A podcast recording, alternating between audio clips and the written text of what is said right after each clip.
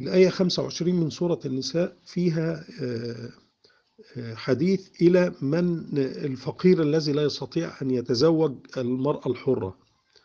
آه، فاللي ما يقدرش يتجوز امرأة مؤمنة آه، حرة يتزوج مما ملكت أيمانكم من فتياتكم المؤمنات. يعني يتجوز أمة مؤمنة. بس برضه بشروط.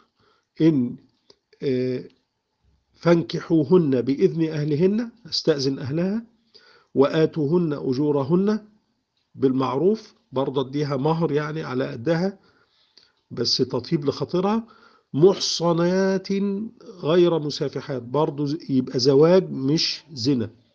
ولا متخذات أخدان يعني مش عشيقة. فإذا أحصن لو لو أنت اتجوزت واحدة من الإماء دول فإن أتينا بفاحشة لو زنت فعليهن نصف ما على المحصنات من العذاب. يعني الأمة المتزوجة إذا فعلت الزنا عليها نصف العذاب اللي هو الجلد مثلا.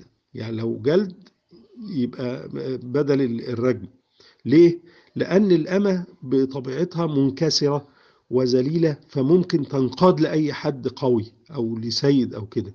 فعشان كده ال ال الإسلام رحمها. يعني عارف إن فيها ضعف أصلا ضعف الرق وضعف المرأة فاجتمع عليها الاثنين فلها فعليها نصف ما على المرأة الحرة المتزوجة من الايه من العقاب.